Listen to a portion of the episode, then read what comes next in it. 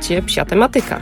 Ten podcast pomoże Ci jeszcze lepiej zrozumieć Twojego futrzastego przyjaciela. Mam nadzieję, że spędzisz miło czas słuchając mojego podcastu. Zapraszam Cię również na moją stronę internetową truflaterapię.pl, gdzie znajdziesz wszelkie potrzebne informacje dotyczące konsultacji online oraz treningów NoSWOR. Jeśli będziesz potrzebować dodatkowych informacji, to zapraszam do kontaktu mailowego lub telefonicznego. A teraz zapraszam Cię już na kolejny odcinek mojego podcastu i życzę przyjemnego odsłuchu. Cześć, witam Was w 53. odcinku podcastu o psie. A dzisiaj będzie o psach rasowych. Od razu zapowiadam, że to, co dzisiaj powiem, to moje osobiste zdanie, z którym oczywiście nie musicie się zgadzać. Mam jednak taką malutką nadzieję, że ten odcinek skłoni do pewnych refleksji osoby, które mają odmienne zdanie na ten temat. No to zaczynamy. Zanim w ogóle ktoś wpadł na pomysł, że można selekcjonować psy ze względu na ich cechy fizyczne, psy były selekcjonowane głównie ze względu na ich cechy użytkowe. I takie cechy jak dobry węch, szybkość czy spostrzegawczość predysponowały te psy do wykonywania konkretnych zadań i były bardzo cenione wśród ludzi. Psy współpracowały z człowiekiem i w sposób naturalny mogły zaspokajać swoje potrzeby. Jednak z biegiem czasu człowiek dostrzegł potrzebę posiadania psa o określonym wyglądzie i temperamencie, no i tak rozpoczęła się selekcja ukierunkowana już nie tylko na użytkowość psów, ale przede wszystkim na uzyskanie konkretnego wyglądu. Na przestrzeni lat powstały organizacje zrzeszające hodowców, którzy zajmowali się ustaleniem standardu rasy. W przeciągu około 200 lat człowiek stworzył 400 ras psów. Każda rasa jest dokładnie opisana i oprócz specyficznych cech fizycznych, w standardzie rasy jest uwzględniony również opis osobowości psa. Jak jednak wiadomo, Osobowość psa zależy od bardzo wielu czynników. To, że pies jest konkretnej rasy, nie oznacza, że będzie zachowywał się w taki sposób, jaki można przeczytać w opisie danej rasy. Oczywiście są pewne zachowania instynktowne, zakorzenione w genotypie, które pies będzie prezentował, jednak nie oznacza to, że każdy jamnik będzie chętnie kopał doły, a labrador przynosił aporty. I powtórzę to, co powtarzam do znudzenia. Każdy pies jest inny i zajmujemy się tym psem, który stoi przed nami, a nie wyobrażeniem tego psa. Wracając do ras, to istnieje wśród nich ogromne zróżnicowanie, które sprawia, że opiekun może sobie wybrać psa spełniającego jego oczekiwania estetyczne.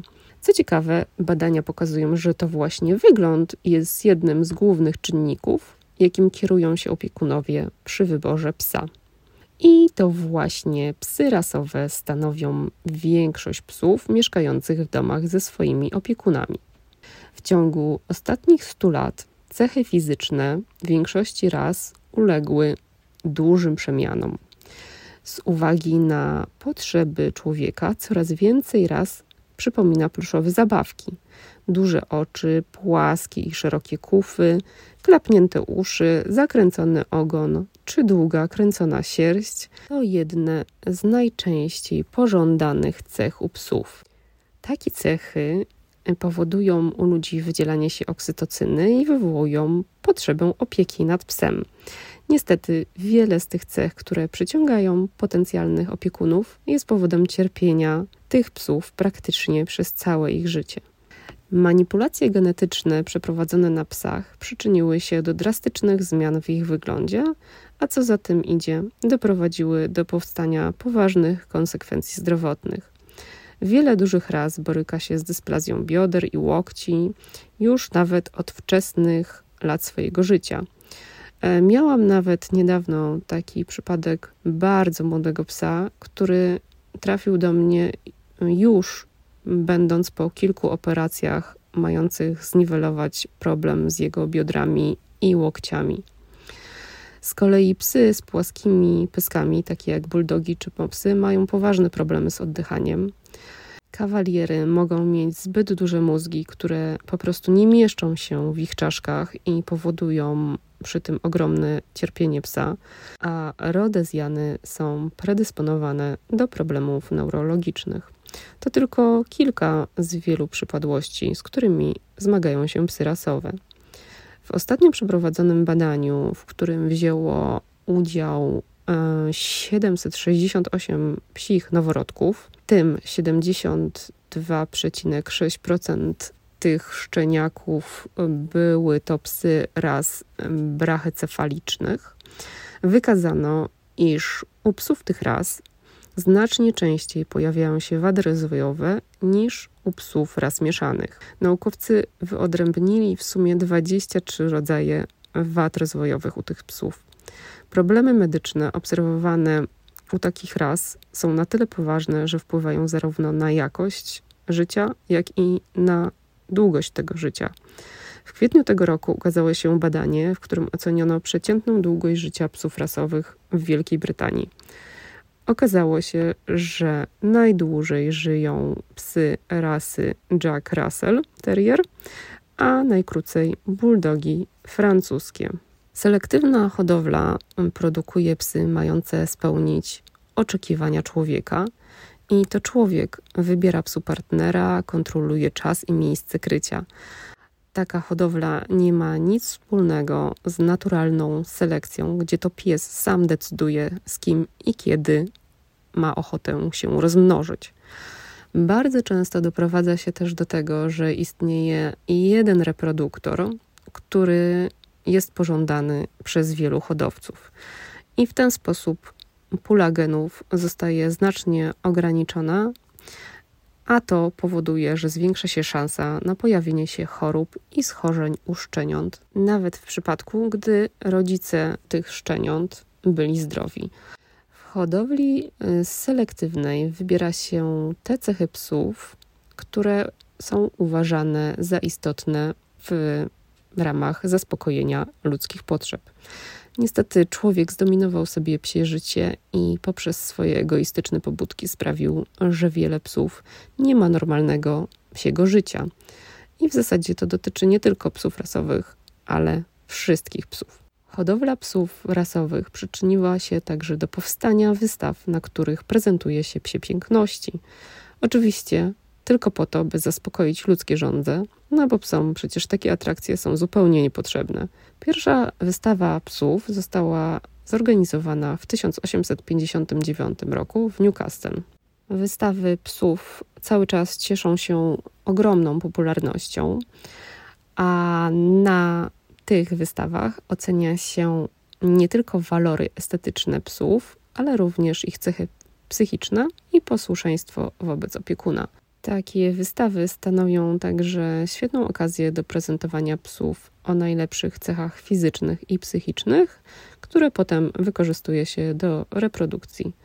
Oczywiście takie okazje sprzyjają spotkaniom towarzyskim, na którym można sobie poplotkować o najnowszych psich trendach. Tak więc wystawy to idealne miejsce dla ludzi, jednak patrząc z perspektywy psa, mogą być wydarzeniem traumatycznym. Jakiś czas temu miałam przyjemność konsultować psa, który w wyniku wielu lat ciągłego prezentowania na wystawach i bycia reproduktorem stał się po prostu kłębkiem nerwów. To była jedna z trudniejszych mm, konsultacji pod względem emocjonalnym, jednak dała mi mnóstwo satysfakcji z efektów, jakie udało się uzyskać, szczególnie w kwestii zmiany mentalnej, jaka zaszła u opiekunów tego psa. Warto czasem zastanowić się, jak pies czuje się podczas takiej wystawy, zważywszy, że jego zmysły są bardziej wyostrzone od naszych. Hałas, mnóstwo różnych zapachów, które są niekoniecznie przyjemne dla psich nosów, mrygające światła, ruch, ludzie, inne psy, zamknięcie w klatce, ograniczenie możliwości poruszania się, to tylko niektóre z bodźców mogące przyczyniać się do dużego dyskomfortu psa. To wszystko może być dla człowieka mało istotne, ale jeśli postawimy się na miejscu psa, to uzmysłowimy sobie, jak jest to dla niego przytłaczające. Takie starty w zawodach wiążą się również z ogromną presją jeszcze zanim pies pojawi się na wystawie. Przygotowania są zazwyczaj długotrwałe i polegają na przeprowadzeniu wielu zabiegów mających na celu zwiększenie szansy na uzyskanie jak najlepszej oceny. Niestety, niektóre rasy zostały poddane selekcji ze względu na określony eksterier, który wymaga przeprowadzenia regularnych zabiegów pielęgnacyjnych, aby zachować organizm psa w dobrej kondycji. Ludzka potrzeba nadmiernej pielęgnacji i upiększania została przeniesiona na psy, a wszystkie zabiegi są wykonywane wtedy, gdy opiekun uzna to za stosowne. Natomiast dla psów zabiegi pielęgnacyjne związane są z odczuciem dyskomfortu i nawet psy, które zostały wcześniej nauczone pewnych zachowań, które mają im pomóc podczas takich sytuacji, przeżywa stres. Badania pokazały, że zabiegi pielęgnacyjne wywołują stres u psa jeszcze zanim pies zostanie im poddany. Wizyta w salonie grumerskim to ogromny stres dla psa. Oprócz nowego miejsca, osób i zapachów, psy poddawane są czasochłonnym zabiegom, podczas których wykorzystuje się narzędzia ograniczające ruchy psa. Takie unieruchomienie psa jest jednym z silniejszych stresorów. Również dotyk szczególnie bardziej wrażliwych części ciała może być dla psa awersyjny i zagrażać jego dobrostanowi. Oprócz samych manipulacji przy ciele, nie można oczywiście zapomnieć o zapachach specyfików wykorzystywanych do pielęgnacji. Dla ludzi mogą one być atrakcyjne, jednak dla psów już niekoniecznie. W swojej praktyce spotkałam się z wieloma przypadkami, w których psy po zabiegach grumerskich rozwinęły zachowania, których dotąd nie prezentowały. Zazwyczaj były to zachowania nieakceptowane przez opiekuna. Nie wspomnę już tutaj o nieetycznych praktykach grumerskich, które były szeroko komentowane w mediach. Całe szczęście rośnie liczba świadomych i mających wiedzę grumerów, jednak dla mnie nadal poddawanie psa takim zabiegom jest ostatecznością. Hodowla psów rasowych przyczyniła się także do powstania pseudohodowli, które stały się miejscem cierpień wielu psów. Nieetyczne hodowle powodują wiele nadużyć i doprowadzają do zaburzenia zachowania u psów, deformacji ciała, chorób i ogólnie zagrażają dobrostanowi, a nawet życiu psów, które tam przebywają. Brak opieki, tragiczne warunki życia, przymus, traktowanie psów przedmiotowo to wszystko sprawia, że kupując psa z takiej hodowli, opiekun dostaje psa, który zupełnie nie radzi sobie z normalnym życiem. Niestety nadal istnieje wiele hodowli, w których ważniejszy od psa jest zysk. Zresztą każda hodowla to biznes, niezależnie od tego, jakie podejście ma do psa.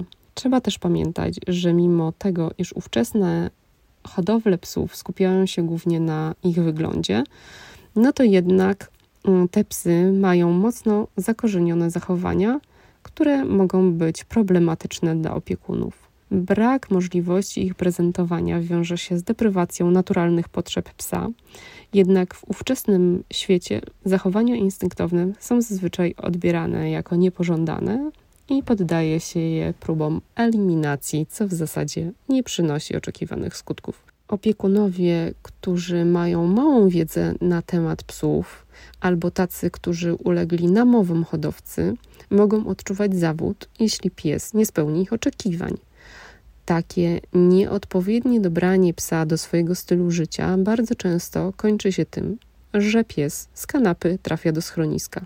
I to jest kolejny powód, który pokazuje, że wspieranie hodowli zmniejsza szansę na znalezienie nowego domu psom, którego straciły i spędzają całe życie zamknięte w schroniskowych klatkach. Kupując szczeniaki, odbieramy takim psom szansę na dobre życie. Być może wiele osób po wysłuchaniu tego odcinka nie zgodzi się ze mną, ale dla mnie hodowle psów są po prostu nieetyczne.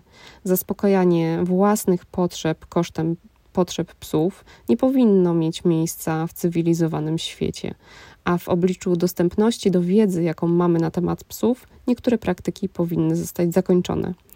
Całe szczęście są kraje, w których zakazane są hodowle ras mających poważne problemy zdrowotne, i mam nadzieję, że tych państw będzie przybywać i zmniejszy się ilość psów cierpiących z powodu ludzkich zachcianek. Choć oczywiście mam świadomość, że istnieje jeszcze wiele innych praktyk, które skazują psy na dyskomfort i cierpienie. No ale to już nie temat tego odcinka. Dzisiaj będę się już z Wami żegnać i bardzo dziękuję Wam za wysłuchanie dzisiejszego odcinka. Będzie mi bardzo miło, jeśli podzielicie się tym odcinkiem ze swoimi bliskimi lub znajomymi, a także wystawicie recenzję na iTunes. Tymczasem będę się z Wami żegnać i do usłyszenia w kolejnym odcinku. Mam nadzieję, że będzie to odcinek wyemitowany za dwa tygodnie, ale czas pokaże. Pa, pa!